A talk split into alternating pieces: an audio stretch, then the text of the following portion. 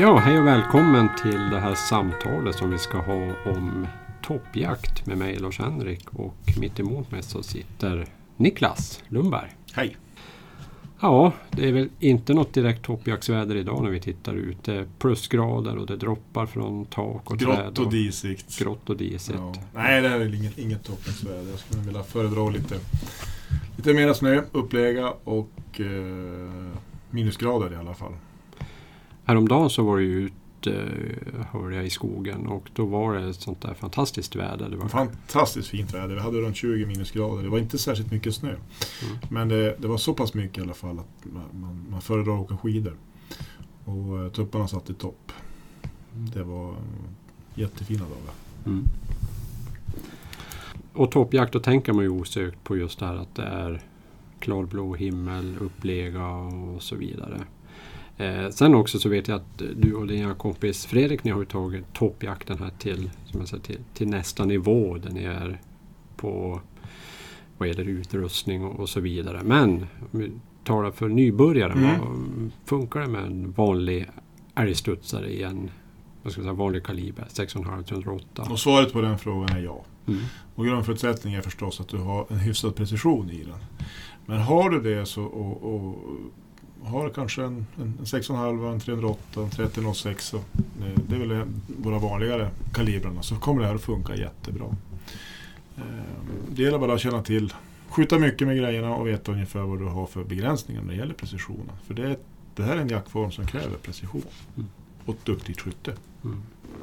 För det handlar ju om långa avstånd, det är små mål och så vidare. Vad, hur ska man träna för Mm. att liksom bli en bra skytt? Jag skulle säga att det kan ha- handla om långa avstånd. Ja. Men så, grundprincipen, eller, eller vad man, jag, jag gör det här tänket i alla fall, att man, man, man tränar på betydligt längre avstånd än man avser att jaga på. Så har ju väldigt mycket vunnet. Så eh, låt säga att vi ligger och skjuter kanske på, tre, vi har ganska många 300 meters banor. Så att skjut på 300 meter, träna på 300 meter, bli förtrogen med 300 meter. Så att du sätter täta träffbilder på det avståndet. När du sen kommer till praktisk jakt då skjuter vi kanske på 180 meter eller 200 meter. Då kommer det här att bli eh, så mycket enklare. Mm. Vad, vad skulle du säga medelavståndet där under toppjakt? Vi, vi, som det ser ut nu, de, den jakt vi har bedrivit i alla fall på de marker de senaste åren här, så då, då handlar det kanske om en 100, någonstans mellan 160 och 180 meter och i extremfall kanske en bra bit över 200 meter, 220-240 meter. Men absolut största delen av frågan skjuter vi under 200 meter. Mm. Mm. Vad krävs det för kikarsikte då? Där, Förstoring? där tycker jag att man ska satsa på en kikare så att man faktiskt får lite förstoring. Och 12 gånger hade jag gärna velat ha på min toppkikare eller mer. Mm. Eh, 16-18 gånger är ju förstås aldrig fel. Mm. Har man dessutom en sån budget så att man kan köpa ett kik, en kikarsikte där man då kan ha ett så kallat ballistiskt torn eller någon typ av eh, ratt där man Mm. kan skruva in, man knäpper in Mm. eh, och flyttar riktmedlet och beroende på, på avståndet man skjuter så är det förstås en fördel. De här siktena med ballistiska torn det gör ju oftast att det drar iväg lite grann i pris. Men det, det är en väldigt bra lösning på det här. Mm. Och det kan man köpa till och eftermontera på en del sikten? En del modeller har så, ja. Mm. Jajamän. Mm, just det. Om vi säger ammunition och eh, kulval beroende då naturligtvis på kaliber. Men Mm. eh, vad, vad rekommenderar du där? Mm. Då, där, där rekommenderar jag helt klart. Om vi, om vi, vi tänker oss en 6,5 som är en ganska, eller egentligen lång, man kan nästan säga snudd på optimal kaliber av standardkalibrarna i alla fall. Eller de vanligaste kalibrarna. Det är den optimala kalibern för, för toppjakt. Så där ska jag definitivt lägga i patronläget en hålspetskula. Den kula jag använder och väldigt många använder det är ju den som Lapua producerar som kallas för Skenar. En väldigt bra kula för just toppjakt. Och tanken med att använda en liten hålspetskula det är att den öppnar upp sig och avger lite mer energi. Vilket också ger en garanti eller en större förutsättningar för, i alla fall för att, att fågeln faktiskt blir kvar på plats. Mm. Det fanns en tid, jag brukar säga det fanns en tid då jag före och efter eh, hårspetsen här. Innan jag började använda hårspets så sköt jag med, med helmantel. Mm. Men då hade jag också en hel del eftersök. Trots bra träffar. Och en, välskjuten fågel med en helmantel kan faktiskt flyga en ganska lång sträcka. Och då är det ju alltid, det handlar ju lite grann om, om man brukar säga lagen om alltings jävlighet. Så Mm. då, den fågeln skjuter man när det är en halvtimme kvar av ljus. Mm. Det är djup snö och den flyger förstås ut för ett bergsluttning och så ut över en skog. Och sen så ska du då hitta igen den där och då har du ett projekt. Mm. Då får du verkligen kämpa för att hitta. Mm. Använder du då en hårspetskula så eh, ökar definitivt chansen att den blir kvar på plats. Hårspets, då tänker jag att liksom det kan slå sönder Det kan slå sönder men använder man rätt sorts hårspetskula så är det förvånansvärt ofta som det här går väldigt bra. Mm. Ja, alltså vi, vi skar inte bort många fåglar. eh, Mycket kött från de fåglar vi sköt exempelvis eh, förra året. Här. Så vi hade ganska god toppjakt i det här Mm. länet. Vi hade Mm. bra med fågel. Och det är inte många gram kött som vi skär bort. Däremot så fick vi fick fåglarna vi sköt på. Mm. Där handlar väl också var i Ja. fågeln du träffar. Jajamän, var placerar du skottet? Ja. Och där, där försöker jag placera den eh, generellt sett lite högt Mm. på en fågel. Och sen finns det alltid ett, ett, ett litet dilemma när man skjuter på en, exempelvis en tjädertupp som sitter eh, med ryggen emot. Mm. Den där rygg, rygg, ryggdelen, eller ryggpansan eller vad man ska kalla det, den är väldigt hård. Och skjuter du med en hårspetskula lite lågt i den här, då kommer kulan öppna sig. Den kommer att gå igenom kroppshålan, sen in i bröstmuskulaturen och river ganska rejält. där. Så då tappar man tyvärr lite grann Mm. kött där. Så där, där försöker jag lägga, sätta skottet lite högt mot, mot hals, halsroten. Mm. Och sen om vi säger profil, Mm. nu, då är den klassiska bilden som man har med sig sedan tidigare att hålla i den vita fläcken på, på tjädern, Ja. om en tjädertupp. Ja. Är det en bra placering? Mm, det kan vara det, men faktum är att det är jättesvårt att bedöma om den här fågeln, eller allt vilt för den delen, om den verkligen sitter i profil Mm. eller inte. Är de vriden eller inte? Så det är lite svårt att bedöma det där. Jag skulle nog vilja föredra att om man lägger kulan, vi tänker nu alltså att vi har den här profilbilden, då skulle jag vilja sätta kulan lite grann bakanför för den här så kallade eh, vita fläcken och lite, lite lägre ner kanske. Mm. Då, då vet jag att då kommer jag få en bra träff. Mm. För det finns en fara att hålla för långt fram i Yes. fågeln och Jajamän. man kan bli lite lurad av vad då? Du har sagt det. Jo, jag vet eh, vad, vad du tänker på. Jo, nej, Mm. men om, om vi tänker oss en tjädertupp exempelvis då, som har suttit och betat hela dagen. Den eh, samlar på sig tallbarr, för det är det Mm. som är födan då. Mm.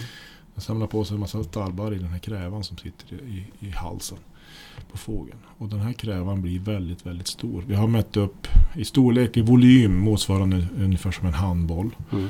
Och i vikt ungefär 500 gram med tallbarr. Och det Mm. gör ju att fågeln ser ju oproportionerligt stor ut under vissa si- situationer. Framförallt när han äter klart under Mm. dagen och förbereder sig inför nattkvist. Mm. Och, och, och det är lätt att lura sig att skjuta kanske lite för långt fram. För det här är Mm. ingen det, det är ingen direkt vital del i det bemärkelsen att den dör på plats. Utan Mm. Det är en dålig träff som leder till, till ett eftersök. Mm. Mm. Just det. I övrigt då i toppjakt, vad, vad behöver man mer med sig? Förutom då ett bra inskjutet gevär, och vapen och kikarsikte och någon annan utrustning. Jag tänker på kanske kikare och avståndsmätare. Mm. Det är två, två saker som, som förstås underlättar din Mm. jakt när du jagar med toppfågel. Om vi börjar med, med, med kikaren. Jag är ju, tillhör ju den kategori jägare som har svårt att jaga ut all jakt utan att ha god optik med mig. Och, och så är det. det är, god optik underlättar ju. Så en bra kikare för att kunna spara efter tuppar, spana efter betande fågel som sitter på lite avstånd. Det är Mm. ju en fördel. Mm. Och tyvärr är det så. Det, var någon, någon känd radioprofil som en gång i tiden sa att det finns inga genvägar till det perfekta ljudet. Och det är väl samma Mm. sak med det här. Det finns Mm. inga genvägar eh, när det gäller den perfekta optiken. Det är lite Mm. dyrt tyvärr. Mm. Men en bra kikare, det behöver inte absolut kosta skjortan. Eh, men en, bra kikare, 8 eller 10 gångers förstoring. Själv använder jag en 10 gångers förstoring. Mm. Sen kommer vi till avståndsmätaren och där, det måste jag säga att den, den underlättade ju man, definitivt toppjakten. För jag Mm. är så pass gammal så jag tillhör den som fick, fick så att säga använda min, min eh, egen avståndsmätare. Bedöma själv, använda hårkorset för att Mm. bedöma avstånd. Och sen så, så eh, fick man då tillgång sedermera till en riktig Mm. avståndsmätare och då vart det Mm. en helt annan Mm. eh, visa. Mm. Så att en bra avståndsmätare underlättar. Helt Mm. klart. Mm. Och kan man dessutom kombinera de här två så är det förstås optimalt. Det vill säga Mm. en, kikarsikt, nej, en, en kikare med avståndsmätare. Men Mm. då eh, är vi uppe i den övre skolan då det gäller Mm. eh, pengar också. Mm. Kostar en hel del tyvärr. Mm. Mm. Men om man säger eh, övrig utrustning, kläder och så vidare. Behöver Mm. man hur viktigt är vinterkamouflage under toppjakten? Jag tror egentligen inte att det är så viktigt för fåglarnas del. I alla fall inte när vi pratar om tjädrar. Och, Mm. utan jag tror det handlar mer kanske om ditt eget, eh, Mm. ditt, ditt eget tänk. Mm. Ehm, man, man, man tror kanske mer, ja, det, det är en fördel Mm. om inte annat för dig själv mentalt sett. Sen är det så att när det gäller de här kamouflagekläderna eller vinterkläderna, överdragskläderna så är de ju gjord för att vara ute i snön. Så de har bra, Mm. oftast bra snölås och de är genomtänkta i den bemärkelsen. Och det gör att det är väldigt bra plagg att ha på sig. Mm. För hur det än är så åker du kanske i snö eh, en hel dag, kommer ner till din bil eller kanske till ett tält. Vi tältar ju rätt ofta när vi är ute och jagar. Då är det jättetrevligt att kunna ta av sig de här överdragskläderna och så har du, sätter du på dig andra lite mer torrare kläder. Mm, Eh, mm. och så torka upp de här eh, överdragskläderna Mm. inför nästa jaktdag. Mm. Eller att du ska sätta dig i en kall bil. Då är det väl skönt att kunna få av sig överdragskläderna. Så jag föredrar faktiskt i det här läget ett, ett, en snödräkt som, som, fungerar som ett överdrag. Istället Mm. för ett, ett ställ. För jag har provat. Jag har gått egentligen hela varvet runt. Mm. Olika modeller. Eh, eh, så jag föredrar faktiskt överdragsplagget istället för den här eh, jackstället som är lite kraftigare byxor. Alltså ri- riktiga jackbyxor och Mm. riktig jackjacka som fast de är vita. Mm. Just det. Ja.